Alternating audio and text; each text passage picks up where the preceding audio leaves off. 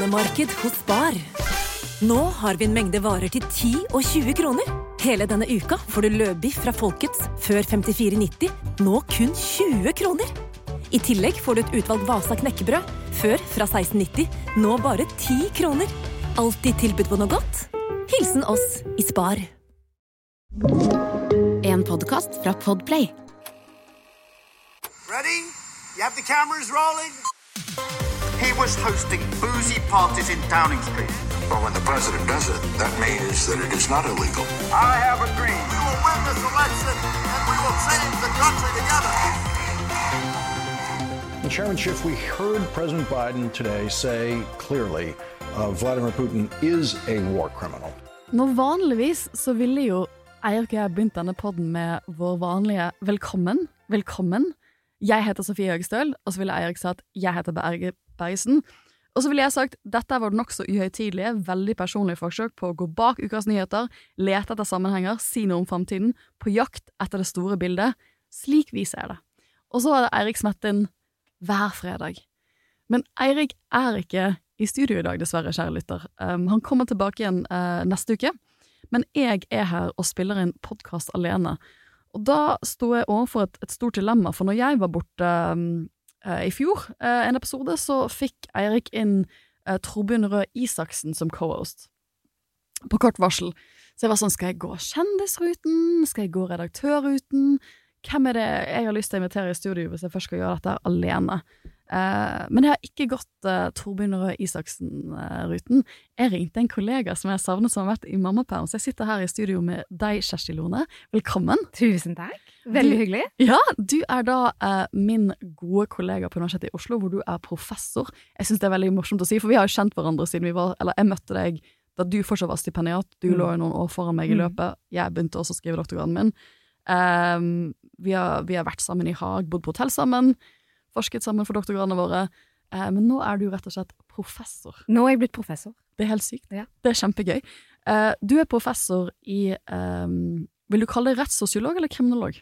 Jeg er professor i kriminologi, Mm. men jeg driver mest egentlig med rettssosiologi, og særlig da kanskje internasjonal rettssosiologi. Mm. Mm. Og det er grunnen til at du er blitt invitert hit, for en av de store Det har vært mye som har skjedd denne uken. Vi kunne fortsatt å bore i eh, Arbeiderpartiet og norsk politikk, men jeg tenkte at eh, når en nyhetsvarsel, når vi begynte uken med en nyhetsvarsel som er midt innenfor mitt fagfelt, så var det det vi måtte gjøre. For på mandag, tror jeg det var, så kom det nyhetsmeldinger fra uh, New York Times og Reuters om at den internasjonale straffedomstolen gjorde seg klar til å ta ut tiltaler mot russiske personer for krigsforbrytelser i Ukraina. Eh, og det er det du og jeg forsker på, det er det jeg egentlig er ekspert på. Big news. Big news, det er det du er superekspert på, men du er jo også for øyeblikket i mammapermisjon. Så jeg var litt usikker når jeg sendte deg en melding, men jeg var så glad når du sa ja, for vi har ikke fått snakket ut om dette. Vi har ikke fått snakket om, om, om denne eh, etterforskningen til Den internasjonale straffedomstolen. Så kjære lytter, dette blir den ultimate episoden hvor vi skal snakke om hvordan man kan straffe Putin, og hvorfor det er så vanskelig å få gjennomført sånne etterforskninger, og hva er det egentlig som skjer ved Den internasjonale straffedomstolen. Så velkommen til en sånn spesialepisode om eh, Putins straff og krigsforbrytelser. Jeg tenkte vi kunne begynne der. Eh, når var du leste om disse nyhetsmeldingene? Det var vel et par Jeg så det på Twitter, selvsagt. Ja. Ja. Mm. Da var det en eh, ganske sånn anerkjent blogger om internasjonal strafferett som eh, rapporterte om denne lekkasjen, for det er jo en lekkasje. er en lekkasje, og det er også veldig unormalt. Det er veldig unormalt, og det er veldig spennende hva det, det betyr at det kom en lekkasje om akkurat denne her saken Mm. her. For Den internasjonale straffedomstolen har jo uh, operert i uh, 20 år nå. Mm, Ja. Ja, Ja. ja herregud, vi begynner å bli 21 år. gamle. Vi Mm. begynner å bli gamle. Ja. 20 år. Um, og de har jo vært inne i veldig høyprofilerte saker før, men det er veldig sjelden at det lekker fra domstolen. Og de har jo holdt på med en etterforskning i Ukraina i over et år, det har ikke vært ting som har lekket der før, men nå har det plutselig tydeligvis kommet reelle lekkasjer, for det er ikke bare altså, Først begynner New York Times å skrive om dette, men i løpet av uken så ser vi at alle de store medier har skrevet om saken, virker det selvstendig med egne kilder. Ja, og det er jo litt rart, fordi man kan jo stille spørsmål om det er Det er jo litt spesielt at det er en lekkasje. Eh, er det en sikkerhetsrisiko at det er en lekkasje? Ja, øh, og hva gjør det med, med de som øh, Den internasjonale straffedomstolen er helt avhengig av samarbeid med masse aktører, med vitner, med ofre. Eh, hvordan stiller de seg til at ting blir lekket til media? Så jeg, jeg syns dette er veldig spennende. Men hovedlekkasjen er jo at de er i ferd med Noen av jeg føler at For jeg, jeg skrev doktorgraden min om disse reglene. Hvordan tar du ut en tiltale ved Den internasjonale straffedomstolen? Det er egentlig det jeg skrev doktorgraden min om. Og, så mitt spørsmål med en gang sånn, men, men hva betyr altså, hvor- i prosessen er de med å ta ut en tiltale? Er det liksom, Holder de på å etterforske fortsatt, eller har de sendt inn en søknad? For det at hvis du skal tiltale noe ved den internasjonale straffedomstolen, så må eh, sjefsanklageren, chief prosecutor, han må sende inn en søknad til dommerne eh, hvor han gjennomgår en del bevis han har for tiltalen sin, og så må dommerne godkjenne det. Og da var jeg sånn, eh, har han sendt søknaden, har han ikke sendt søknaden? Men det virker som The Financial Times skriver jo rett ut i sin artikkel eh, at han har sendt søknader til The Pre-Child Chamber. Ja, nettopp. Ja. Og fordi jeg har jo spekulert litt på dette sjøl, fordi ICC er jo en litt sånn uforutsigbar domstol. Eh, av og til jobber han fryktelig seint, og så plutselig så jobber han veldig fort. Så jeg har tenkt, er det sånn at det her er Kommer disse eh, Skjer dette offentlig neste uke, eller kan vi vente et halvt år til på liksom, det at han faktisk spør dommerpanelet om, om å få godkjent disse tiltalene? Um, men uansett så vil jeg jo tro at denne lekkasjen virker på en måte som gjør at de speeder ting litt opp, da, uansett. Det setter jo et visst politisk press på dommerne når ting allerede er blitt sånn halvoffentlig. Absolutt. Og det, det, jeg, det som er interessant her, er at vi har en relativt ny sjefsanklager. Eh, Så fått, særlig så Han begynte liksom uh, ordentlig jobben i fjor. Så når jeg fikk spørsmål om dette her i fjor Han heter Karim Khan. Han er uh, fra Storbritannia, har vært, uh, jobbet med internasjonal strafferett lenge, er en stor skikkelse innenfor, innenfor fagfeltet. Da han fikk jobben, så, så var det jo rett før krigen bryter ut. Så han hadde ikke fungert som sjefsanklager så veldig lenge. Så da jeg fikk spørsmål, og du fikk jo også masse spørsmål på disse tider i fjor, hva betyr det at en internasjonal straffedomstol nå skal gå inn og etterforske, Eh, og, og, liksom, og hvor fort kan vi se tiltaler mot for eksempel Putin? Og når, svaret mitt var litt sånn, jeg kjenner ikke han godt nok som sjefsanklager til å vite hvor lang tid han kommer til å bruke på noe sånt. Mm. For hadde det vært en av, de andre, en av de tidligere sjefsanklagerne, så hadde jeg hatt en følelse for hvordan de tar disse vurderingene her. Men med han, så er det litt sånn blanke ark. Det er litt vanskelig å si. Ja. Og ting har jo skjedd veldig fort med ICC og Ukraina, og da kan en jo liksom stille spørsmål om det er av han, eller om det er av Ukraina, og jeg tror nok jeg vil si at det er av Ukraina og, og det momentumet som ligger i det. Men han har jo gjort fryktelig mye eh, mer enn det de tidligere sjefsanklagerne har eh, fått gjort med en del andre saker på, på den samme tiden. Han har vel vært i Ukraina allerede tre ganger, Mm. og det er mange andre eh, konflikter eh, under etterforskning eh, som han ikke har besøkt. Så det er jo, er jo eh, et, et interessant tema, syns jeg, da, som jeg ser at mange snakker om internasjonalt. At det, det er, det er utrolig viktig å holde folk til ansvar i Ukraina eh, Eller i, for de forbrytelsene som har skjedd i Ukraina. Men så er det òg eh, en domstol som driver på med veldig mange andre konflikter, eh, som kanskje ikke får like mye oppmerksomhet eh, nå til dags, da. Nei, og liksom, jeg tenker at eh, La oss ta lytterne inn i hva den internasjonale straffedomstolen egentlig er. For det, du har jo gjort masse feltarbeid. Det er vel ingen i Norge som har gjort så mye feltarbeid på denne domstolen som det du har gjort. Det var det du skrev doktorgraden din om. Mhm. Um, og hva, uh, jeg har jo mitt sammen, men hva er domstolen for deg? Hvis du skulle forklare domstolen. Å, oh, herre mann, for et spørsmål. Det er med, med mitt førstefødte barn, for å si det på den måten. Det, uh, nei, det er jo Jeg syns jo eh, at jeg ofte har snakket om domstolen nesten som ei kjerke. Eh, nå er jo jeg fra Vestlandet i tillegg, da, men det er et eller annet med at den har symbolisert så utrolig mye håp for, for folk. Eh, og da snakker jeg jo selvsagt om ofre eh, i krig, at den har, eh, liksom, den har representert det globale og det internasjonale samfunnets eh, engasjement, Mm. og det at de har planer om å stille noen til ansvar for forferdelige hendelser som har skjedd til mennesker. Men det har òg vært ei kjerke for, eh, for en stor bransje, og det er liksom det her menneskerettighetsmiljøet og internasjonale jurister som har bygd opp det her systemet. da. Absolutt. Og det, det, er jo, det er jo det som gjør den internasjonale straffedomstolen så spesiell, er at Eh, det som skjer, er at vi får eh, På 90-tallet så gjenoppliver på mange måter eh, deler av det internasjonale samfunnet arven etter Nuremberg. Man hadde rettsoppgjør mot nazistene etter den andre verdenskrig. Man hadde også noen rettsoppgjør mot japanske styrker. Men så skjer det ikke så mye på den internasjonale strafferettsfronten etter det. Det blir liggende litt eh, og sove. Og så kommer Jugoslavia-konflikten, og så oppretter FN den første sånn moderne internasjonale straffedomstolen for det tidligere Jugoslavia, som sikkert mange av lytterne våre har, eh, har lest om i avisen opp gjennom årene. Eh, etter det så, eh, så kommer Rwanda-konflikten og folkemordet der, og de oppretter en ny eh, internasjonal domstol for Rwanda. Og så kommer det en internasjonal domstol for Sierra Leone etter hvert. Men alle de domstolene har til felles at de er konfliktspesifikke. At de er opprettet for en, for å etterforske og straffølge én konflikt. Mm. Men tanken bak den internasjonale straffedomstolen var jo at den skal være en permanent domstol Og en global. og en global domstol. Eh, og det er kanskje det første viktige som jeg ser at, eh, og det skjønner jeg er vanskelig for journalister, det er at den internasjonale straffedomstolen har ikke, er ikke opprettet av FN. Den er opprettet av alle de landene som var med å forhandle vedtektene til domstolen i 1998 i Roma. Og der er du jo inne på noe veldig viktig. At det er jo, det er jo stater som sjøl velger å bli Mm. medlem av denne domstolen. Ja. Eh, og, og, og det er jo mange stater som har gjort. Jeg tror de er på 125 i dag. Eh, som er fryktelig mange. Men de mangler jo de helt store, da.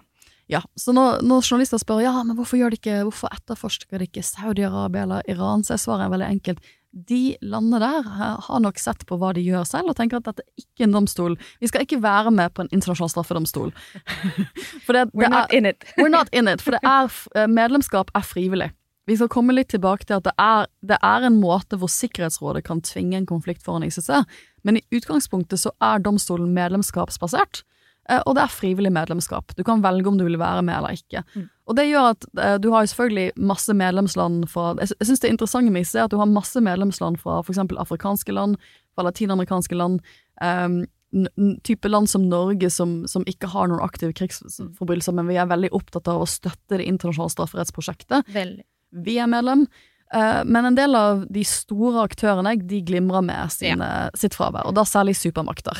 Særlig supermakter. Så vi kan kanskje si at det er en domstol for liksom small and middle-sized uh, States. states. Og de uh, Russland og USA og eh, andre store stater glimrer med sitt fravær. Ja, for det at Russland og USA var faktisk med å, å Oi! Vi har også en annen gjest i studio, vet ikke om dere kan høre dette. Men Kjersti har med seg datteren sin, som nettopp har våknet opp fra, fra en liten lur. Uh, det er veldig hyggelig nå, for vi, vi har liksom girl power, uh, men også, jeg, jeg liker også at vi har tatt med en baby inn i en episode om internasjonal strafferett, uh, Kjersti. Eh, men men det, det jeg skulle si, var at det som gjør domstolen så, så spesiell, er at Russland og USA var faktisk med og forhandlet vedtektene. Eh, og det tror jeg Jeg får ofte spørsmål om hvorfor gadd de å gjøre det. Vel, eh, da Roma-vedtektene, eller da domstolen ble stiftet i 1998, så var eh, Bill Clinton president i USA. Og han, jo, han var jo egentlig for dette prosjektet her. Uh, og hvis du er Russland, så vil du jo gjerne Og Kina var jo også med uh, litt. Uh, og også for så vidt Israel, for eksempel, som heller ikke er medlem. Så hvis du først skal ha en sånn domstol, så har du jo lyst til å være med på å forhandle hvordan den domstolen skal se ut, selv om du kanskje ikke selv ikke har lyst til å være medlem etter hvert. Um, så både Russland og USA har signert Roma-vedtektene. Men de har ikke blitt ordentlig medlem. Nei. Nei. Og det var vel, eh, og det som er litt morsomt, er jo at de har signert, og så har de trukket signaturen. Mm. Og det er veldig unormalt i sånn internasjonal eh, sammenheng, Ja. at man, man signerer en avtale og sier at vi skal bli med på dette, og så trekker man seg etterpå. Men det har de gjort. Eh, så nå, mye av den kritikken ICC får, er jo fordi at de ikke går etter disse supermaktene. Men problemet til domstolen er at det har de ikke lov til, for det er medlemsbasert, og hvem er det som har bestemt det? Jo, det er det stater som har bestemt. Det er det det internasjonale samfunnet som har bestemt at det skal funke sånn. Um, jeg tror, så det er domstolen. Den er en permanent internasjonal domstol. Som, er, som du sier, det er en kirke. Den har utrolig høye forventninger om å være global og, og dekke alle ofre. Og universell. Å være universell. Mm. Men i realiteten så er den medlemsbasert, og det er ganske mange viktige stater som ikke er medlem. Men det som er også kanskje viktig med domstolen, det er jo det at den, den prøver jo òg å være Eller han, han, den er en såkalt court of last resort. Ja. Sånn Forklar det. Ja. Sånn at dens intensjon er jo at den skal ikke egentlig ikke behøve å straffe noen i det hele tatt, for det skal egentlig medlemsstatene gjøre sjøl. Eh, så den, den skal bare komme inn og hjelpe, for å si det på den måten, hvis ikke medlemsstater er able eller willing, altså ikke kan eller ikke vil, fordi den sjøl er aggressoren, eksempel, eh, strafferettsforfølge eh, sjøl, eller etterforske sjøl, da. Og det tror jeg er et viktig prinsipp også, som du sier, at, at domstolens eh, hovedvirke skal ikke være å gjøre alle disse sakene. Det en egentlig håper at skal skje, er at de nasjonale domstolene, for eksempel hvis en norsk soldat skulle begå en krigsforbrytelse, så fungerer jo ICC sånn at da er det i første omgang Norge som skal straffe den soldaten. Hvis ikke Norge gjør det over lengre tid, da kan ICC komme inn og ta saken. Men så har du selvfølgelig disse landene som vi vet har ingen intensjon om å straffe, straffe folk, og, og Russland er jo absolutt i den kategorien. Men da er det sikkert en del lyttere som vil si sånn, men Russland er jo ikke medlem. Hvordan kan den internasjonale straffedomstolen etterforske Russland da, når vi nettopp har sagt det er medlemsbasert? Det er sant. Og det er jo for det at eh, Ukraina Er heller egentlig ikke medlem. Nei, det er en, eh, jeg vet ikke om det er en fun fact, men de er, de er heller egentlig ikke medlem, men de har gjort eh, de, har, de har likevel spurt domstolen, eller gitt domstolen tillatelse til å etterforske på deres territorium. Mm. Og det er fra 2014 av. Så det gjorde en før den her, altså før eh, fjorårets eh, intervensjon. Men altså fra 2014. Ja, så ICC hadde egentlig um, hadde egentlig Ukraina-saken på blokken fra Mm. før av, fordi at etter invasjonen av Krim, så spurte Ukraina etter hvert den internasjonale domstolen, straffedomstolen, om hjelp. Og det er jo litt det domstolen skal, som du sier, det skal være en, en, en sånn særdom spesialdomstol, og i Ukrainas tilfelle så vet de jo at det er ingen sjanse for de å ta et krigsoppgjør sånn som ting er nå med Russland. Da trenger de ekstern bistand fra en sånn type domstol. Men det er, det er, jo, det er jo statusen i dag at, at det skjedde ikke så veldig mye når ICC fikk Ukraina-saken i første omgang. Men så bryter krigen ut, og så skjer det ganske mye på kort tid i fjor. Altså, det skjer så mye. Og for vi som er vant til å følge med på internasjonal strafferett og hva som skjer der, og vet at ting kan gå ganske sakte, så var det utrolig fascinerende å se hvor, hvor fort institusjoner og mennesker og stater mobiliserte og fant både penger og personell til å begynne å etterforske ganske tidlig. Ja, for det, det er jo et stort pengespørsmål. Du og jeg har jo vært, eh, og, og, og vært i Haag og sett, for domstolen ligger i Haag. Vi har jo vært i Haag uh, under medlemsmøtene de har, for de har sånne store medlemsmøter med alle medlemslandene. Og da har jo ofte dynamikken vært de siste årene at medlemslandene har gitt mindre penger til ICC. Ja. De har slitt økonomisk, så de har ikke hatt så mye penger til å etterforske alle disse konfliktene de skal være i. Men når Ukraina-krigen kommer, så er det plutselig penger på bordet veldig fort. Det er det. Og det er til og med eh, han her, eh, eh, sjefsanklageren eh, Karim Khan, han, han ber faktisk òg medlemsstater eh, om å gi at, at de kan donere penger til domstolen Mm. eh, frivillig. Mm. Og det er jo interessant, fordi det har vi heller ikke sett på, angående andre konflikter. Eh, så dette, dette, dette er jo bra for ukrainske ofre. Og så, så er det en del hvis vi, hvis, vi- hvis vi først snakker om ICC, da, så må vi jo kanskje si at den har blitt utsatt for litt kritikk for at den er litt selektiv på hvilke konflikter han er strafferettsforfølger. Han har vært veldig mye involvert i Afrika, eksempel. Mm. Um, så det at, det, det at dette skjer, da, det underbygger en del av den kritikken mot ICC, at den Ja. har en tendens til å kanskje ikke være eh, Eller at den kan være litt sånn selektiv, da.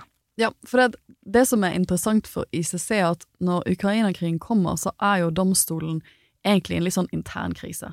De har ikke, de har ikke greid å straffeforfølge så mange personer. De er utrolig ineffektive. Det bruker gjerne ti år på en rettssak. Eh, de har hatt store prestisjesaker som har falt sammen når de først har kommet til retten. Ja. Og veldig mange, relativt sett, frifinnelser. Og, og vi er jo, jeg tror hvis du forsker på straff og liksom forsker på sånn kriminologi og rettssosiologi, så er det jo for frifinnelser, for det betyr at systemet fungerer. Mhm. Men det er et eller annet, når man har brukt antageligvis altså, flere titalls millioner dollar Ja. på, en, eh, på en straffesak, eh, mot da for eksempel en tidligere statsleder i, eh, i Elfenbenskysten, eh, hvor Elfenbenskysten har vært veldig villig til å, å, å straffe sin tidligere statsleder for forbrytelser mot menneskeheten.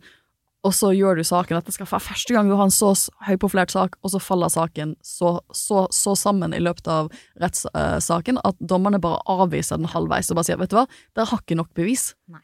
Og dette sier jo egentlig mest om hvor komplekse disse sakene er. Og her er det jo veldig relevant til straffeforfølgelse av Putin. Ja. Fordi disse, og det å gå etter statsledere, og det å gå etter de som faktisk er ansvarlige på politisk nivå og militært nivå eh, for krigsforbrytelser, det er ikke enkelt. Nei, det er ikke enkelt i det hele tatt. Og, og det jeg syns er interessant, er at ICC sliter. De får mindre penger for alle disse medlemslandene. De, um, de får mindre penger. De er i en slags sånn intern eh, vedvarende krise hvor de ikke har fått gjort den jobben de sa de skulle gjøre. De greier ikke engang Jeg føler sånn Du sier at domstolen er som en kirke, og det er jeg helt enig i. Og et domstol har vært veldig opptatt av liksom, at de skal gjøre masse forskjellige ting, men det de egentlig skal primært gjøre, er å gjennomføre straffesaker. Og så har de ikke greid å gjøre det engang. Uh, og så har de hatt mange um, De har tiltalt ganske mange personer som aldri har blitt brakt foran uh, utlevert til domstolen. Vi skal komme tilbake til hvordan det skjer.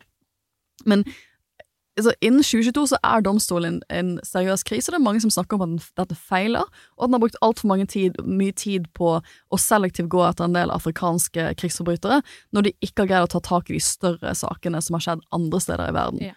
Og dette har til og med ført til at noen land, ikke mange, men et par land har til og med trukket seg ut av domstolen. Ja, Så dette har vært en veldig alvorlig tillitskrise til domstolen. Så kommer Ukrainas øh, Og, igjen, medlemslandene gir de mindre penger. De, sånn som jeg har sett på det når jeg har sett på de etterforskningene jeg har gjort, så har det virket som de har vært så underbemannet at de rett og slett ikke får gjennomført høykvalitetsetterforskninger som man trenger å gjøre for å sette sammen en straffesak i så komplekse saker. Mm.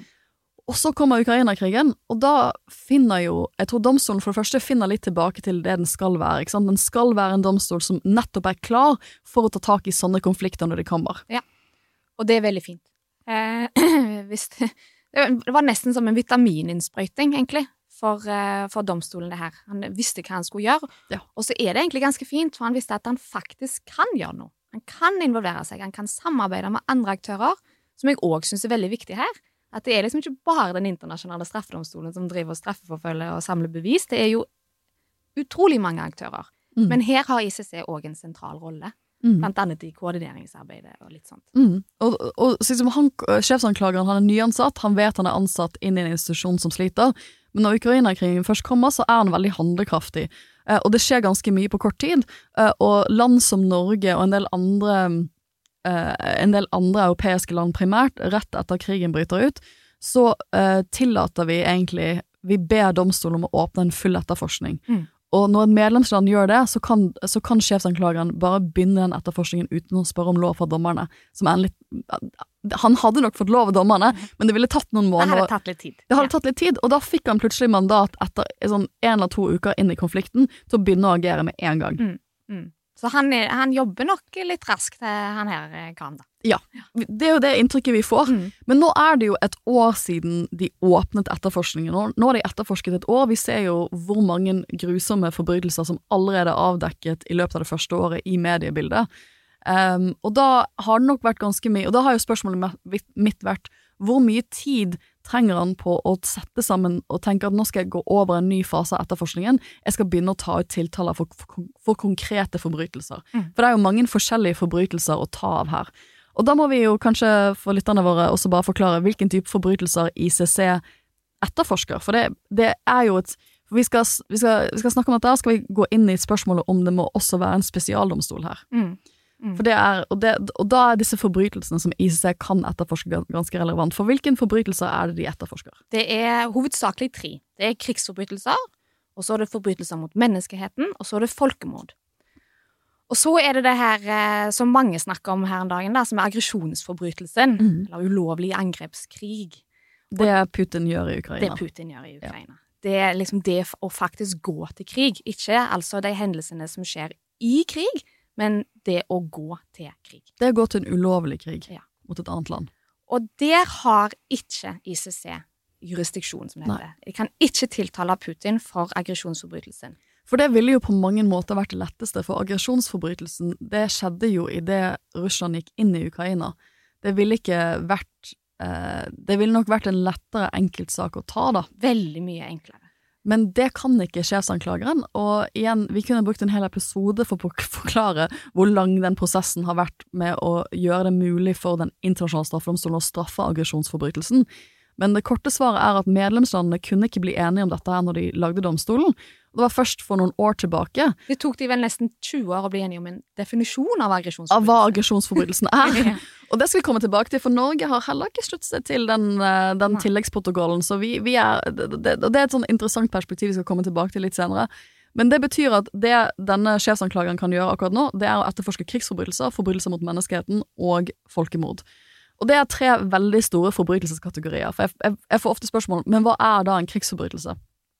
Og svaret på det er at forskjellen mellom en krigsforbrytelse, folkemord og forbrytelse mot menneskeheten, det er det være, det, det er jo formelle kategorier, men i praksis er det de samme type forbrytelsene. Det er for eksempel hvis noen blir drept nå i Ukraina, så vil jo spørsmålet for sjefsanklageren være sånn, er dette drapet en krigsforbrytelse? Har det blitt gjort av en soldat for eksempel mot en sivil? Da vil det være klassisk krigsforbrytelse. Men hvis det for eksempel er gjort eh, under litt andre omstendigheter, så kan det, det drapet fort utgjøre forbrytelse mot menneskeheten. Og hvis det er gjort med intensjon om å utslette en folkegruppe, så er det folkemord. Og det ser jeg jo at, eh, at det spekuleres litt i nå, i bloggosfæren. Eh, Den internasjonale strafferettsbloggosfæren. Yes. Om de her tiltalene som, som ventes, da. Om den ene er jo spesifisert at den kommer til å handle om eh, deportasjonen og egentlig kidnappingen av barn og, og barn. ungdom. Mm. Eh, og omplassering til russiske familier eller barnehjem. Som er en forbrytelse. Som er en forbrytelse. Og nå ser jeg at det faktisk spekuleres i om det kanskje kan komme en folkemordtiltale Ja. her. Eh, nettopp fordi Ja. Og det har jo vært mye av diskusjonen rundt det som skjer i Ukraina, eh, hvor ukrainske myndigheter har vært veldig tydelige på at de mener at det er pågående folkemord, mye av det som skjer nå. Og så har det internasjonale samfunnet kanskje ikke helt vært villig til å klassifisere det som det ennå, Ja. men har brukt ordene krigsforbrytelser eller forbrytelser mot menneskeheten. Det er jo en veldig, veldig veldig høy terskel for Den- å si at noe er et folkemord. Ja. Men hvis Den internasjonale straffedomstolen tar ut en tiltale hvor dommere der sier at vi mener at disse forbrytelsene her faller innenfor kategorien folkemord, Ja. da er vi jo inne i en helt annen stasjon. Ja. Da vil jo eh, internasjonale statsledere kunne kalle det et folkemord på en litt annen måte, for da har man en, en, en arrestordre Mm. fra Den internasjonale straffedomstolen. Mm. Så det, den klassifiseringen av forbrytelser er jo mye det en etterforsker ved ICC vil gjøre i praksis. De vil se på liksom, Her har vi eksempel den kvinna som har blitt voldtatt. Vi ser jo mye seksuelle forbrytelser som skjer nå. Er det krigsforbrytelser? Er det forbrytelser mot menneskeheten? Mm. Eller igjen, er det, er det et ledd i et folkemord? Ja. Hva er det som skjer her? Ja, personlig så tror jeg ikke det kommer en folkemordtiltale. Nei. Eh, det, det er en veldig høy terskel, og det er vanskelig å finne de bevisene kanskje akkurat nå. mens det, Man må ikke glemme at man etterforsker jo i konflikt. Ja. Og det, er, altså det, det var veldig vanskelig for Jugoslavia-tribunalet, for de ble også stiftet mens Jugoslavia-konflikten pågikk, og de brukte jo 20 år de, Ja. på å sette sammen folkemordstiltaler mot de som var mest ansvarlig. Mm. Um, så jeg, og det er liksom, dette er det jeg forsker på. Jeg forsker på påtalestrategi. Altså hvilken strategi skal du bruke når du er sjefsanklager? Mm. Skal du tenke nå vet du hva, nå går jeg etter noen eh, Det blir feil å bruke ordet lette tiltalepunkter, men eh, ting jeg kan ha lettere for å bevise. Ja. Nå tar jeg ut noen konkrete tiltaler på forbrytelser som er ganske enkle for meg å bevise. Type flytting av barn. Mm. Det er en grusom forbrytelse. Eh, det vil være antageligvis lettere å få konkret bevis, for du vil ha, ha, ha ukrainske barn som ikke lenger er med foreldrene sine. De er beviselig i Russland. Det er en forbrytelse mot menneskeheten. Eller en krigsforbrytelse. Det er, det er et veldig konkret eh, tiltale å ta ut, istedenfor å ta ut en tiltale på veldig mange ting som vil ta veldig lang tid å bevise, og som du kan gjøre senere. Og som man ikke kan se noen resultater av på lang, lang tid. Nei. Man skal jo ikke glemme at ICC har jo en tiltale, altså en folkemordstiltale mot det tidligere eh, president i Sudan, al-Bashir. Den skrev de vel ut i 2005? 2005, eh, og den er fortsatt ikke eh, Han er fortsatt Han sitter vel i en eller annen form for husarrest i Sudan, men han er ikke utlevert til Nei. domstolen. Så det er interessant, for selv om det har vært såkalt regime change, altså han sitter ikke lenger i, makt, i maktposisjonen engang i Sudan, så er han fremdeles ikke overført til Haag. Nei. Og det, og det, det er jo litt interessant, for det, er nok litt av problemet, eller litt av det han nye sjefsanklageren har i bakhodet, at på, to, to, den første sjefsanklageren vi ser på 2000-tallet, han Ocampo het han, han var en litt sånn Argentina. Ar, Han var en argentiner som var, hva skal vi kalle han, litt sånn hyperaktiv, og han tok ut tiltaler ganske fort. Han tok ut tiltaler ganske fort i en konflikt, og mange av de tiltalene har de, aldri, de har aldri fucket de, de har aldri fått arrestert de personene tiltalte, eh, og mange av de tiltal noen av de tiltalene viser seg å være ganske vanskelig for domstolen å håndtere når de fikk disse personene inn. Ja. Så det er mange som mener at han tok ut tiltaler for tidlig, og de var lite grundig, og at de var mangelfulle, rett og slett, og det gjorde at eh, selve straffeprosessen ble ganske vanskelig. Ja. Og det er nok en lærdom han har hatt, at hvis jeg skal først ta ut en tiltale, så skal jeg være ganske sikker på at hvis jeg får den forbryteren inn i Haag, så skal den saken stå seg i retten. Ja. Og det er derfor dette er interessant òg, det at det, når vi nå ser noen tiltaler eh, i Ukraina, altså hvordan har de For, man vet jo at det har blitt etterforska krigsforbrytelser i Ukraina nesten siden dag én. Ja. Utrolig mange aktører som er involvert, og da snakker vi internasjonale aktører. FN og Erik Møse, vår norske Erik Møse, er involvert. Så har vi EU involvert, vi har eh, stater som er involvert, vi har NGO, altså internasjonale menneskerettigheter er involvert, vi har eh, nasjonale ukrainske NGO-er som er involvert, og så har vi til og med private aktører eh, som hjelper til med, med digitale bevis, særlig. Da. Så, det, så det største problemet egentlig i etterforskning i Ukraina, det er koordinering av alle disse aktørene som etterforsker.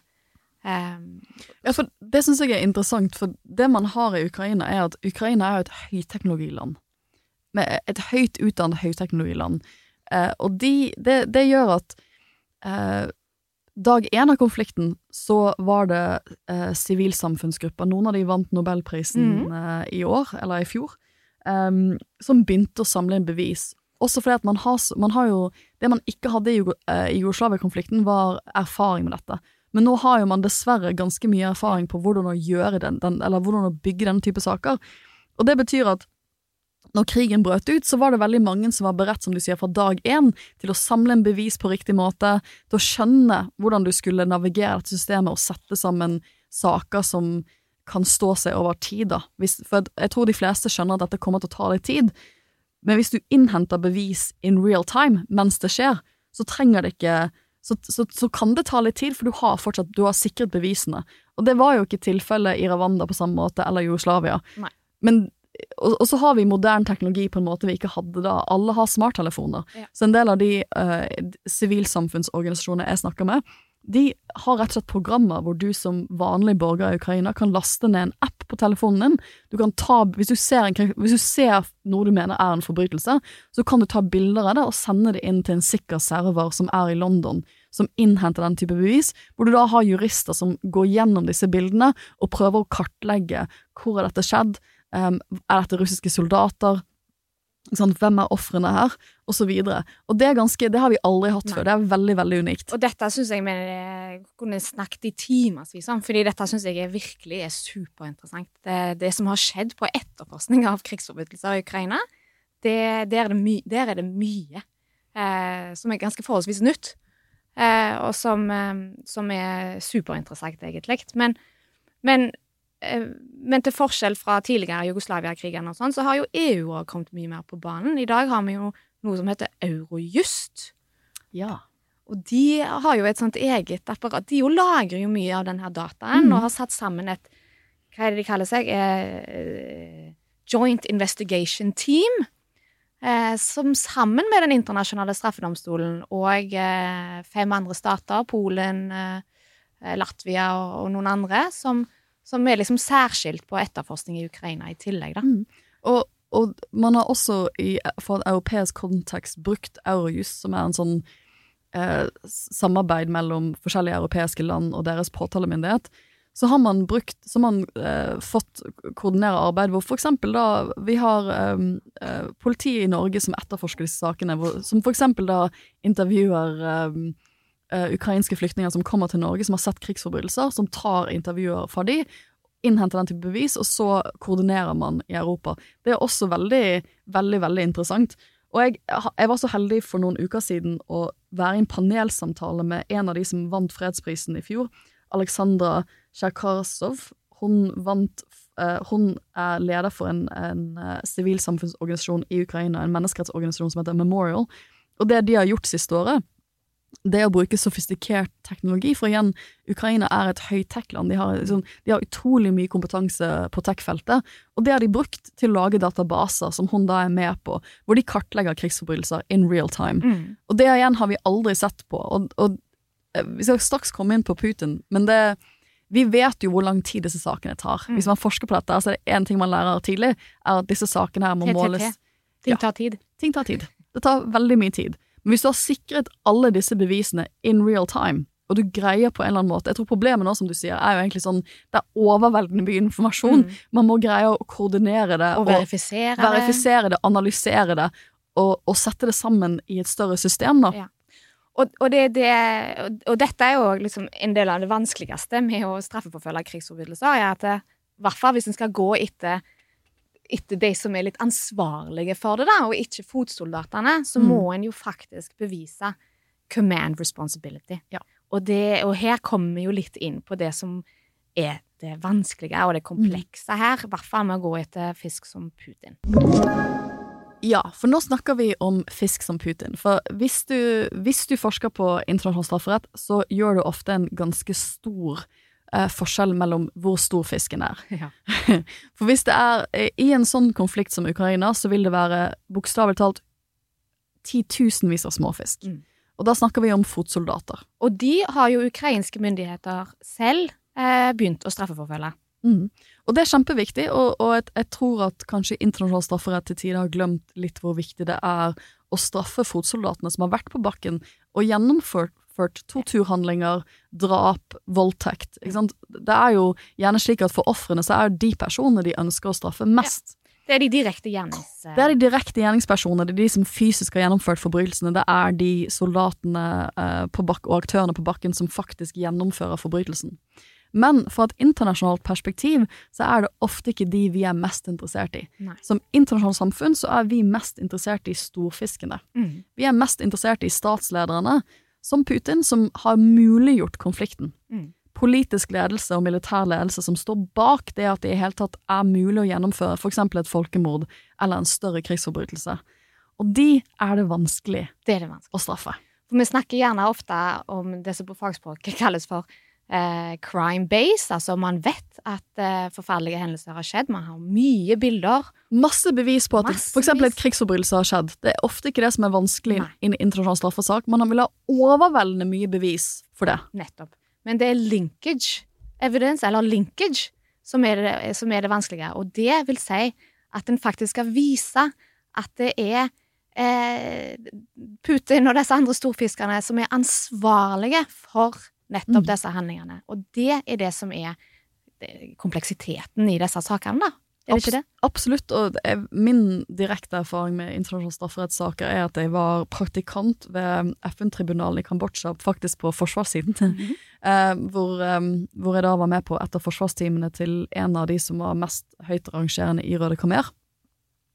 Og det var også en av de tingene som slo meg, at mange av de som vitnet i rettssalen For det er jo ofte vitner, det er ikke så mye sånn dokumentbevis. Det, det vil nok være mer av i Ukraina, for der har vi satellittbilder. Her vil det være nok mye digitalt. her vil det være mye digitalt bevis som er veldig bra, Mm. Uh, for det vitnebevis er vanskelig av mange grunner. Spesielt fordi at man ofte da vitner om ting som skjedde for 10-20 år siden. Mm. Men mye av de bevisene de hadde i den saken, det var jo som du sier crime-based. Det var om at det hadde beg blitt begått et folkemord. Og Det er nok alle veldig enige om at det har skjedd. Det er ingen som betviler egentlig at det skjedde et massivt folkemord i, i Kambodsja under Røde Kamer. Spørsmålet var heller hvem av de vitnene eller de bevisene som blir fremlagt, kan linke det som da var min klient, til de forbrytelsene, Ja. og si at det var han som bordet dette. Og det er ofte det er ofte et av de spørsmålene jeg får. Jeg, jeg møtte noen ofre fra Jugoslavia-konflikten, og de var sånn Hvor vanskelig er det egentlig Ja. å si at Slobodan Milosevic var ansvarlig for folkemordet? Ja. Og jeg skjønner de veldig godt, det virker jo helt absurd utenifra å si at det er vanskelig. Mm. Men i en straffesak så har du en veldig høy bevisbyrde, og det er ikke nok å si sånn at du, han var leder for dette her. Selvfølgelig var han ansvarlig. Du må faktisk konkret bevise det i retten. Og det må man jo bare tenke seg må være helt ufattelig tragisk for de ofrene det gjelder, å se Ja. at her har en bevis på hva som har skjedd med en og ens nærmeste, men så går det ikke an eh, å like lett bevise den her linkage evidence, da. Men apropos du tok opp eh, Milosevic, så, så eh, hørte jeg nå nylig at, eh, at det er jo et eller annet med En trodde jo heller ikke at eh, Jugoslavia-tribunalet skulle få fatt på Nei. disse store fiskerne Mladic og Milosevic eh, heller. Men en gjorde jo det. Mm. Så noe skjedde der. Eh, det, det gikk fra å liksom å, å, å gå etter disse småfiskene til å bli en domstol som til slutt gikk etter storfiskene. Så det, så det skjedde jo en sånn politisk vridning, der en fikk Mm. mer politisk En, en ble mer politisk handlekraftig, Ja. den her domstolen, etter hvert. Og man kan jo kanskje, kanskje håpe at eh, en sånn eh, omveltning òg kan skje etter hvert eh, når det gjelder Russland, selv om det ikke akkurat ser så positivt ut akkurat nå, kanskje. Nei, og det, det er litt det jeg ofte sier til folk når de spør sånn, men det kommer til å være helt umulig å, straff, å Putin. Og så sier jeg sånn, i dag er det helt umulig. Mm. Men det er én ting jeg har lært av å forske på internasjonale forbrytelser, så er det at det som er mulig i dag, er ikke nødvendigvis det som er mulighetsrommet i morgen. Nei. Uh, og i Jugoslavia-konflikten også, så var det uh, Det vi glemmer nå, var at når de lagde Jugoslavia-domstolen, så var det ganske mange også diplomater. For da hadde du liksom diplomater som lagde den domstolen, og så på andre sida hadde du diplomater som prøvde å få fred i Jugoslavia. Og de var superirritert over denne domstolen, for det, det, det domstol, sånn, en domstol som, gå, som skal gå og straffe alle disse lederne som du trenger for å signere en fredsavtale, det er ikke nødvendigvis en veldig god dynamikk. Nei. Eh, Så de, de, den domstolen ble jo undergravet de første året. Den, var jo, den gjorde knapt noe som helst på tre-fire år. Var totalt handlingslammet. Eh, Men så, så fikk den et 20-årsperspektiv, og i løpet av de 20 årene så endret det politiske bildet seg. Mm. Hvor Mladic og en del av de andre store krigsforbryterne og de som var ansvarlige for folkemordet, de var politisk mektige da krigen gikk, og de var politisk mektige årene etter. Mm. Men på et eller annet tidspunkt så switchet det. Ja. Og så var de ikke så politisk viktige lenger. Mm. Og da ble de utlevert til domstolen. Og da var det som var umulig på 90-tallet, plutselig mulig i 2005. Men dette, dette blir jo veldig sånn spekulativt fra min eh, kant, og dels teoretisk, men det er jo et eller annet med Selv om man skulle få en tiltale eh, mot Putin, da, og han eh, ikke eh, Det vil være et eh, regime Altså han, Skifte i- skifte i, i, i, i Russland. Så syns jeg fremdeles det faktisk er litt vanskelig å tenke seg at han blir eh, overført til, til. Haag. Selv om det skulle skje. Fordi det tror jeg ikke vil være særlig Særlig eh, jeg, jeg tror ikke det ville vært særlig politisk eh, eh, populært på hjemmebase heller, kanskje. Og det, og det vi vet, dette vil jo avgjøres i stor grad av hvordan verden ser ut om ti år. Absolutt. Og hvilken standing Russland, altså Putin har i Russland om ti år. Ja. For det, den dynamikken som må til, tror jeg, ut ifra liksom de konfliktene jeg har sett på, det er at hvis det, hvis det blir slik at det nye regimet i Russland tenker at det er politisk smart for dem å utlevere Putin De tenker sånn at vet du hva, nå trenger vi å, å få et bedre forhold til resten av Vesten. Vi trenger å integrere oss mer med Vesten igjen. Og den eneste måten å gjøre det på, eller en symbolsk handling som ville hatt mye å si, det ville vært å utlevere Putin. For det var litt av grunnen til at um, Mladic eksempel ble utlevert, og Karadzic ble utlevert. Det var jo fordi at uh, Serbia ønsket å integrere seg tettere i EU-systemet, og EU er veldig tydelig på at vi vet at disse personene her eh, gjemmer seg hos dere. Uh, vi, vi må ha de utlevert til Jugoslavia-domstolen før vi snakker videre om, om integrering med dere.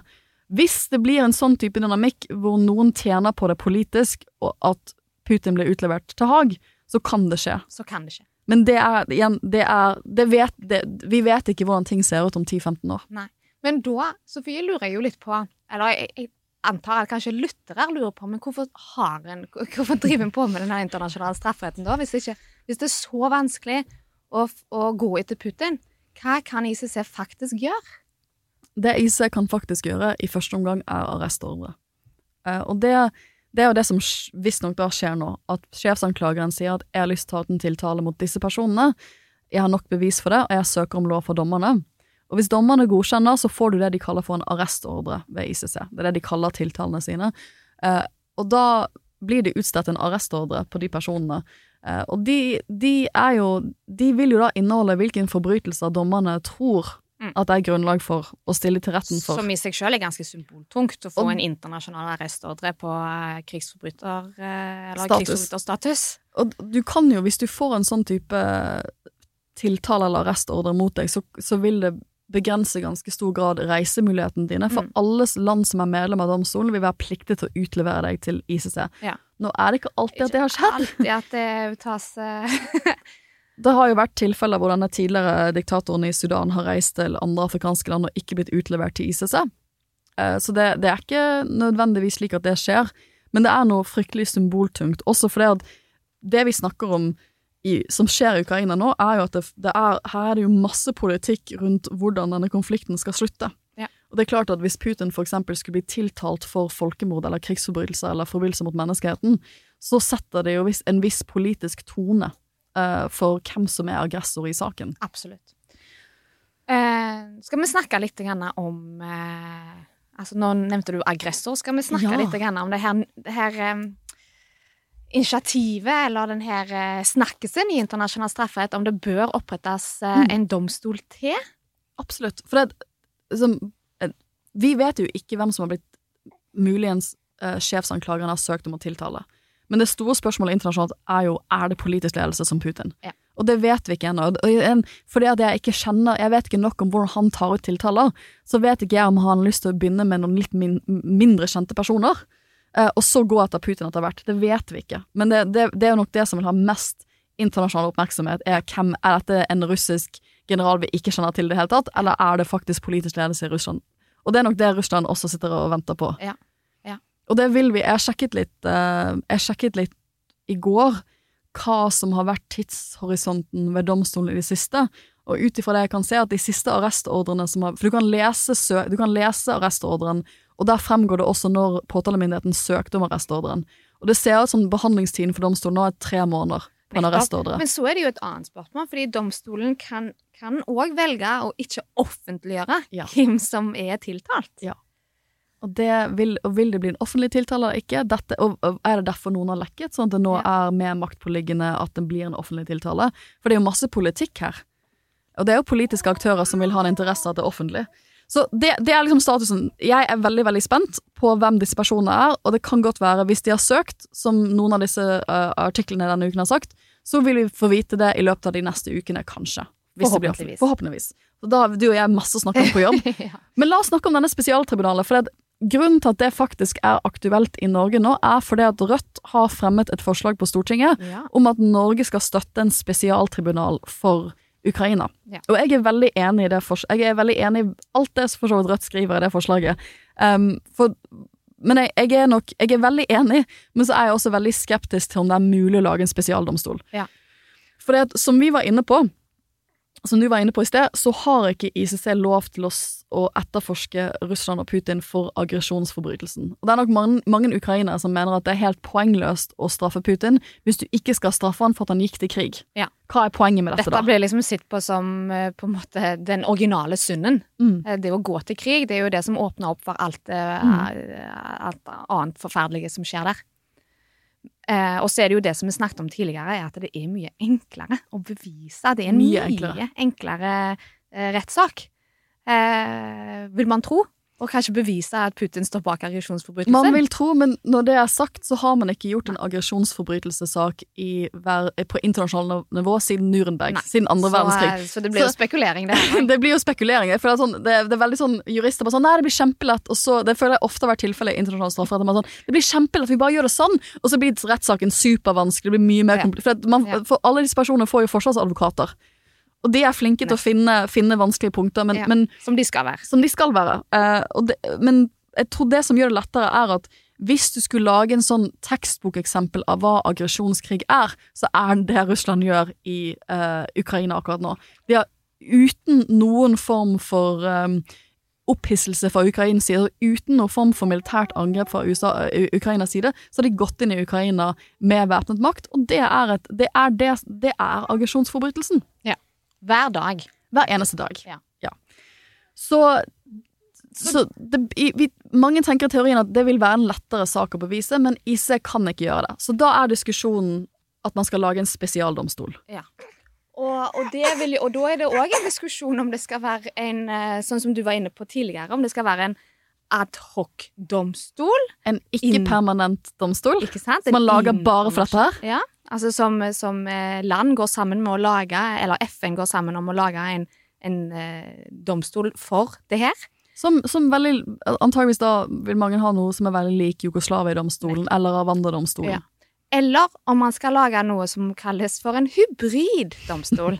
eh, som vil være mer eh, Som egentlig vil være mer eid av Ukraina sjøl. Der Ukraina og FN vil inngå en, en avtale, Det har man gjort da i Kambodsja for eksempel. Og i Bosnia. ja, og i Sierra Leone, mm. hvor, man, hvor man ser at ehm, det er kanskje det man egentlig burde gjøre, istedenfor å lage sånne helt internasjonale løsninger, det er å hjelpe rettsvesenet i det landet som har sakene, og hjelpe de til, til å lage sånne saker.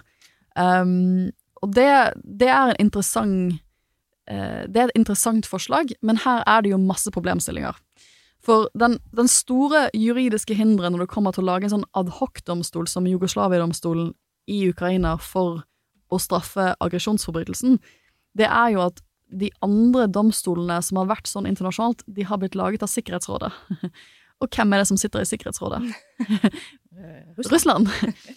og Russland vil jo aldri Russland og Kina hadde aldri gått med på noe sånt. Eh, så det jeg, jeg ser ikke muligheten Igjen, sånn som verden ser ut i dag Vi vet ikke hvordan verden ser ut om 50 år, men sånn som verden ser ut i dag, så har ikke FN sikkerhetsråd Det kommer ikke til å være mulighet der til å lage en spesialdomstol som man gjorde i Jugoslavia og Rwanda, for det gjorde man i Sikkerhetsrådet. Mm. Mm. Men eh, en hybriddomstol Ja, det kan eh, Og, og det vil òg ha en eh, den, måte, den, det positive ved seg at det vil gi hva skal jeg si, styrke det nasjonale rettsoppgjøret eh, i Ukraina, som allerede gjør fryktelig mye. Mm. Nå vet jeg ikke hvor mange saker, krigsforbrytersaker som allerede ligger på bordet til eh, generaladvokaten i Ukraina, men jeg tror det Det er er, er over 60 000. Og de har jo allerede dømt de første russiske soldatene Ja. for krigsforbrytelser, så de, de er jo i gang med det arbeidet. De er i gang med det arbeidet. Eh, vi husker jo kanskje den første saken. Den var jo litt interessant, for her var det vel det som vi kaller for en uh, liten fisk. En, lit, en, en, en vanlig fotsoldat. Ja. Eh, og han han, eh, han skøyt en, en, en ukrainsk mann, en, en sivil mann. Og det er en klassisk krigsforbrytelse. Ja. Du, du skal ikke drepe sivile. Men i tillegg så, så, vel, så viste han vel egentlig eh, anger. Eh, og, og det, men likevel så fikk han livstid av ukrainske myndigheter. Så i internasjonal strafferett så ville nok ikke, det, ville nok ikke han fått, uh, fått livstid, Han ville fått en lavere straff. Han hadde fått en ganske mye lavere straff.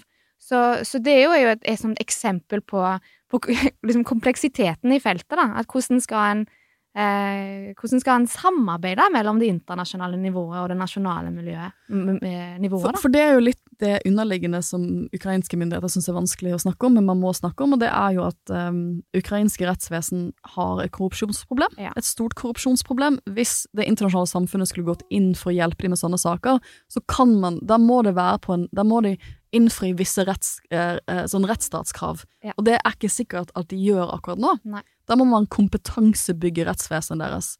Og det tror jeg eh, det allerede Jeg tror nok man er ganske tungt inne på det arbeidet der allerede, egentlig. I, tilbake til, til det vi sa innledningsvis, om at den internasjonale straffedomstolen er en sånn såkalt court of last resort, så jobber de mye med et sånt prinsipp så de sier at de skal være De skal komplementere nasjonale straffeprosesser, da. Eh, Ved å hjelpe de, ved å hjelpe dem til, å bygge- til å bygge opp eh, et Mm. sterkt nok system. Og jeg har nok større tro på å la muligheten for å lage en, en hybriddomstol i Ukraina, hvor de får hjelp fra EU, da, eller internasjonale samfunnet, til å ta ut eh, Til å gå etter personer som er ansvarlig for aggresjonsforbrytelsen. For eh, dette er også en sånn fun fact, eh, og det er jo at Ukraina har jo vært veldig klar over hvem som er naboen deres. Mm. De har nasjonalt kriminalisert aggresjonsforbrytelsen for lenge siden. Så de har faktisk denne forbrytelsen i, på lovbøkene sine. Mm. Det har ikke vi i Norge. Eh, vi har ikke blitt med på dette arbeid, samarbeidet i ICC heller. Så de har en interessant rettslig mulighet til å gjøre det selv. Mm. Eh, men samtidig så får jeg litt inntrykk av en, noen ukrainere, noen ukrainske aktører, at de, ønsker ikke å gjøre det selv. De har lyst til å ha en sånn full Jugoslavia-tribunal. Problemet bare er at eh, den eneste gruppen som har hatt myndighet til å lage sånne domstoler juridisk, det er FNs sikkerhetsråd, og det er ikke mulig sånn som ting er nå. Og så er det noen som, som vil si at det, at det ofte så vil det jo ha en, en eh, Så er det bra for domstolen en internasjonal domstol, selv om han er hybrid, å være mer påplugga lokalsamfunnet der forbrytelsene faktisk har skjedd. Absolutt. At da er det, det er liksom eh, tilgjengelig for eh, ofrene. og Vanlige ofre. Ja. Du kan delta i domstolen på en vanlig måte, du må ikke fly til Haag. Lokal media skriver om det, og litt sånne ting. Ja. Men på en annen måte så er det jo òg positive eh, aspekter ved å ha det internasjonalt, med å ha det i Haag, eksempel. Rett og slett med at eh, da, da eh, minimerer man risikoen for, eh, for at det eksempel er eh, sikkerhetsrisiko i Ja, Ukraina. man kan liksom ikke helt se for seg at Putin blir stilt til retten i Kiev. Nei, det kan man ikke. Det, det syns jeg er Aldri vans- si aldri. Aldri si aldri, men det er vanskelig for meg å forestille enn at han leveres til Haag. Litt fordi at uh, Sierra Leone-domstolen for eksempel var en sånn hybriddomstil. Det var den første hybriddomstolen. Og den ble hybrid, hybrid fordi man så på det man hadde gjort i Rwanda og Jugoslavia, så var man litt sånn oh, hadde kanskje vært bedre om disse prosessene var litt nærmere vanlige folk, Mm. for at de kunne være med på rettsoppgjøret. Ja. Um, men Charles Taylor, som er en av de største forbryterne de tok, han var tidligere president i Liberia, han ble sett på som en så stor ris- sikkerhetsrisiko fordi han var en rik statsleder, Mm. og derfor ble han stilt til retten i Haag. Ikke sant? Og jeg og en fun fact. Jeg har faktisk vært De som ble, eh, de som ble eh, straffa i den Sierra Leone-domstolen, de ble jo sett på som så, så stor risiko eh, at de kunne ikke so Oi, oi, oi. De kunne ikke sone i Sierra Leone heller. Så de sitter jo i Rwanda. Ja. Eh, I et fengsel der, som jeg har vært så eh, heldig i anførselstegn å, å besøke. Ja, for du har jo gjort feltarbeid der også. Ja, feltarbeid og feltarbeid, men var i hvert fall på, på besøk til det her FN-finansierte fengselet i, i Rwanda, der disse eh, krigsforbryterne eh, satt, da. Mm. Nei, og det, det, og det er jo det andre spørsmålet. Uh, ICC uh, de tar rettssaken. uh, Nederland sier at ICC skal få lov til å ta alle disse rettssakene, men de tar ikke soningen. Nei. Så disse personene kan ikke sone i, uh, i Haag. De måtte, Hvis de blir endelig dømt, så skal de sone andre steder. Da, er, da har du vært ute i pressen med en annen fun fact. At Norges rolle her? Ja. Ja, ja, ja. ja. Vi har jo, vi har jo eh, signert soningsavtale med Den internasjonale straffedomstolen. Mm. Nå så jeg i går at det har Spania gjort òg, så det, det baller på seg her, da. Det er flere land, og det betyr i praksis at hvis Putin noensinne skulle bli dømt i Haag, så kunne han blitt uh, Det overlevert til soning i Ja. Norge. Mm. Og vi har jo hatt uh, krigsforbrytere fra Jugoslavia som har sonet i norske fengsler, Det så det, dette har vi gjort før.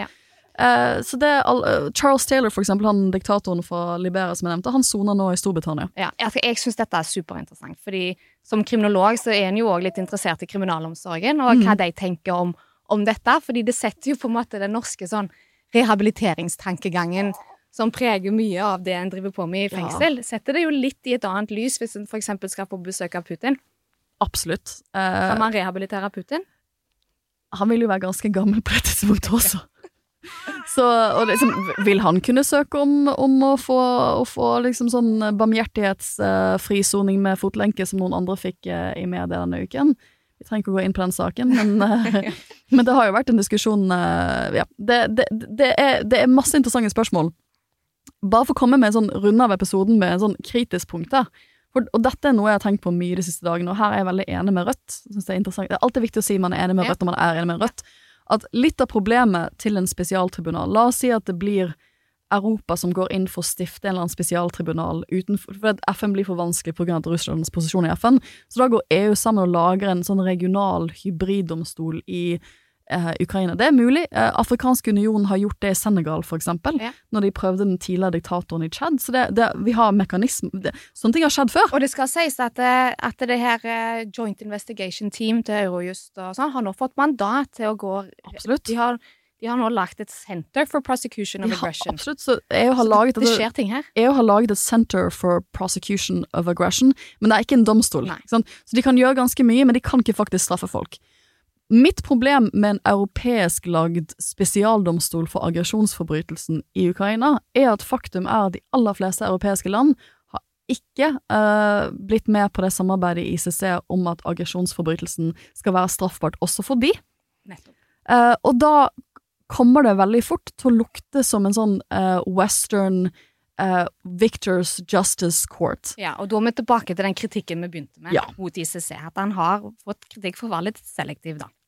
Og ikke gå etter vestlige aktører. Ja. Eh, for at fra sånn legitimitetsperspektiv, som vi snakker mye om som, som, Ja. som forskere på feltet, så er det vanskelig å si at Norge, som da satt på spissen, så har Norge vi har, Det har vært oppe i Stortinget to ganger, eh, fremmet av Rødt, og vi har sagt nei hver eneste gang til å eh, ratifisere, som det heter, eller rett og slett si at, juridisk si at vi også godtar at Den internasjonale straffedomstolen kan straffe nordmenn og straffe Norge hvis vi eh, går til aggresjonsforbrytelser mot et annet land. Ja. Det har vi sagt nei til to ganger. Og problemet er at hvis vi skal straffe andre for de forbrytelsene, så må vi i alle fall være villige til å bli straffet for de selv. Mm. Eh, og den legitimitetsgapet, det blir veldig vanskelig hvis det skal være en europeisk lagd spesialdomstol Helt. av den typen. Helt enig. Og her tror jeg du er inne på en type sånn dobbeltmoral som òg har vært eh, skrevet en del om i media i det siste, med tanke på USAs rolle til ICC. Absolutt. Det tenkte jeg at du kanskje har lyst til å snakke om, Sofie. Jo, for liksom, USA er jo da ikke medlem. De trakk seg fra samarbeidet. Under Trump De har også vært De har ikke vært noe veldig konstruktive med domstolen, og under Trump så, eh, så åpnet ICC en etterforskning av krigsforbrytelser i Afghanistan. Og der har jo USA innrømmet at de har vært med på torturforbrytelser, som er en krigsforbrytelse.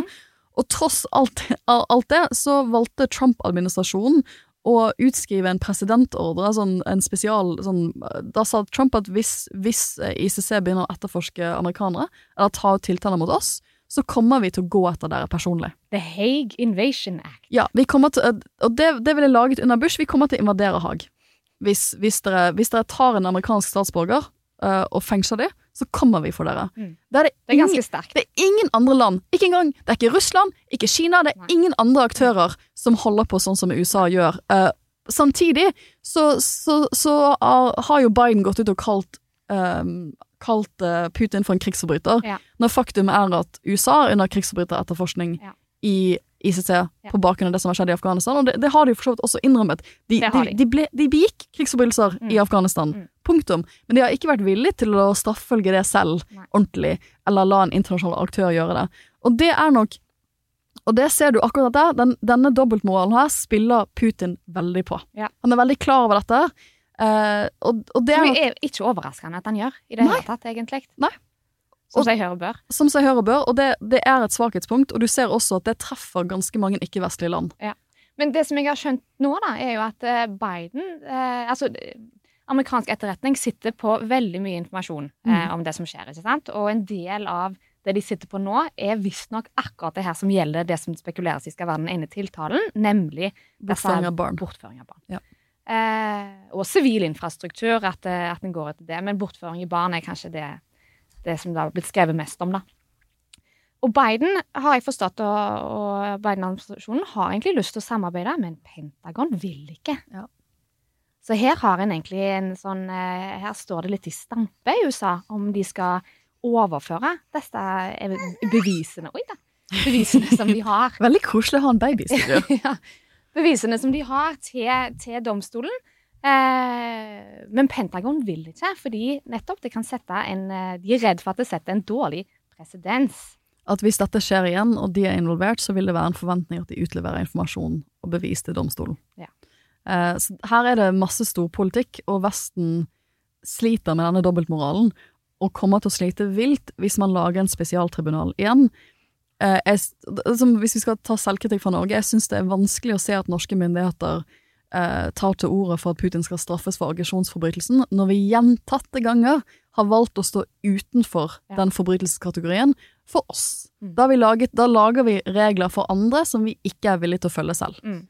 Og det, det og jeg føler sånn, er det én ting som vi må vi har, Erik og jeg har snakket mye om podden om hva Ukraina-krigen Hvilket hva, tidsskille det er i verden, og hva denne nye verden vi går inn i er nå. Og det er én ting jeg føler vi har lært de siste 20 årene, for denne uken var det vel også 20 år siden invasjonen av Irak. Mm.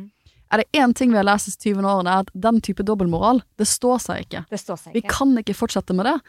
Da, da er det useriøst når Vesten står der og, og, og, og, og, og bruker store ord om det som skjer i Ukraina, hvis vi ikke er villige til å faktisk underligge oss de samme rettsreglene selv. Og det er, det er jo en del av disse samtalene, det som du sier nå. Jeg vet jo at det foregår nå hos ICC. En er veldig klar over det. At en vil jo gjøre alt for ukrainske ofre. En vil gjøre alt for å straffeforfølge og stille folk til ansvar for det som skjer der. Men det må, det må være likhet for loven. Det må være likhet for loven, og igjen, det ser ikke bra ut.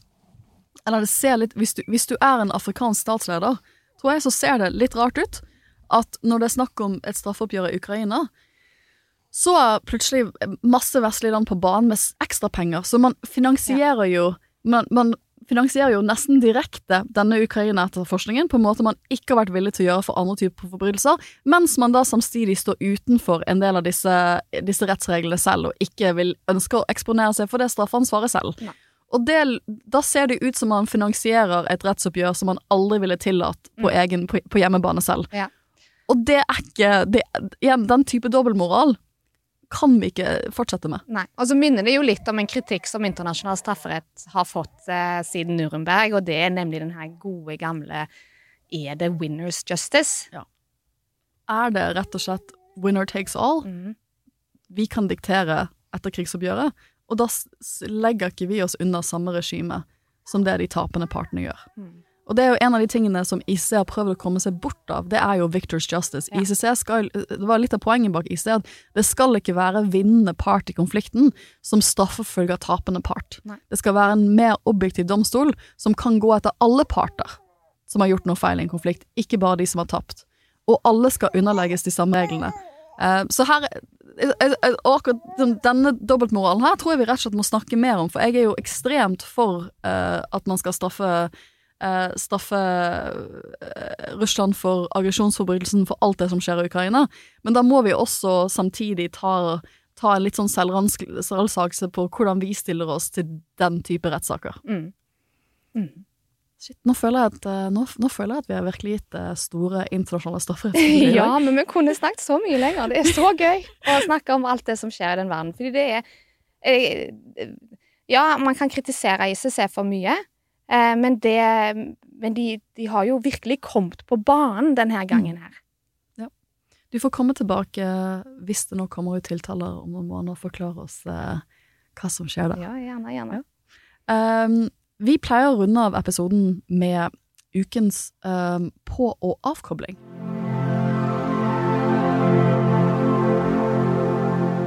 Ok, ukens av- og påkobling. Um, jeg har to ting.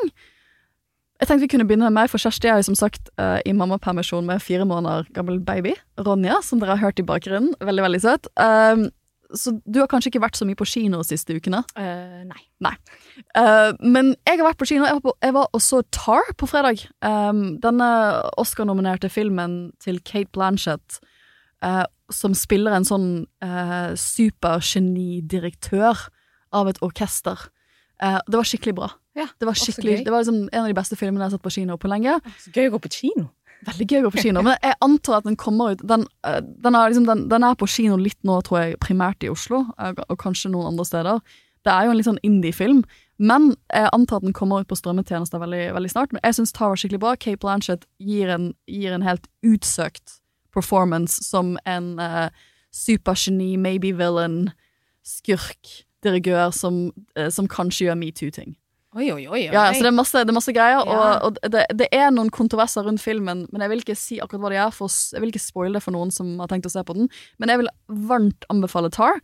Den andre anbefalingen min er litt tematisk for episoden, og det er at jeg har jo snakket om denne NRK-dokumentaren jeg har vært med på, som heter De siste dødsdømte, Ja. og den har jo begynt å gå på TV nå. Den går eh, hver tirsdag klokken åtte på NRK1.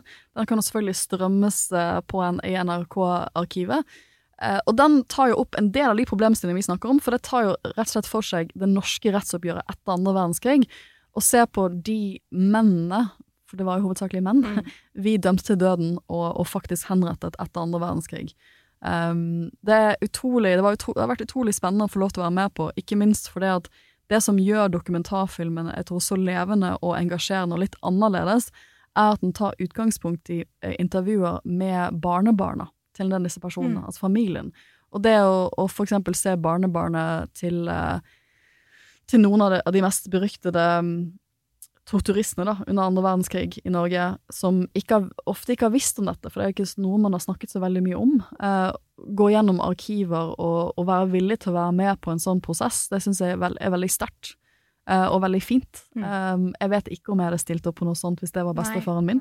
Så jeg har utrolig mye respekt for, um, for eh, de familiene som har vært, gjort denne dokumentarfilmen mulig. Ja. Så den, eller dokumentarserien. Så den, igjen, den går eh, på NRK1 eh, tirsdager klokken åtte. Ja. Og så ligger den jo på nett, for den, den er på, på eh, den er på lista mi. Den er på listen din, så bra! ja. Hva er det du ser på, for- eller leser, eller gjør? Foreløpig så må jeg faktisk tilstå at det, det som jeg ser på for tida, det er Sauen Shaun og Blekkulf, miljødetektiven Blekkulf. Men er det nye Blekkulf? Ja, jeg tror det er en ny Blekkulf. Eh, For vi hadde jo Blekkulf da vi var liten. Ja, jeg vet. Ja. Miljødetektiv, miljøhelten Blekkulf. Det er det. Jeg har òg en toåring, så det er det, liksom, det er det det går i for tida. Elsker det. Eh, det var fire ulike anbefalinger, men jeg merker at jeg fikk litt lyst til å se på Miljødetektiven Blekkulf, nå som du sa det. Det har jeg ikke sett på siden jeg var seks-syv. Mm.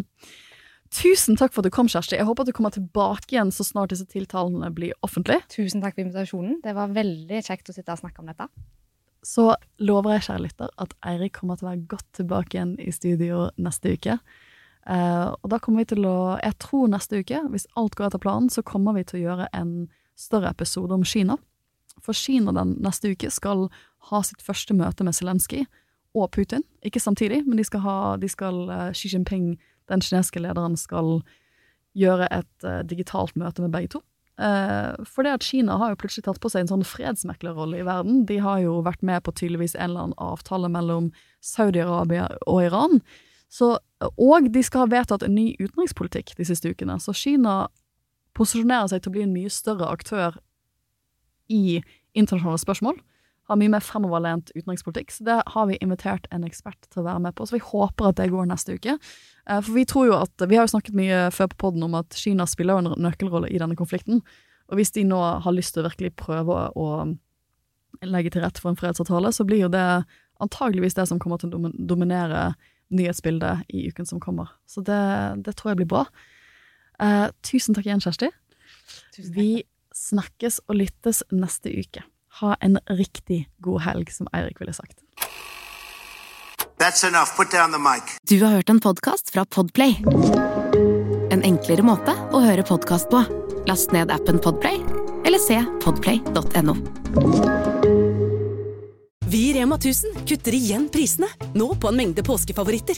Du får eksempel minst 25% priskutt på appelsiner i løsvekt, familiepakning med vaffelmiks fra Toro, 10-pakk Rieger kakao fra Freia og andre påskefavoritter. Alt dette og enda flere priskutt på minst 25% For det er sluttsummen på påskehandelen som teller. Og husk at vi fortsatt har fryst prisen på over 1000 varer.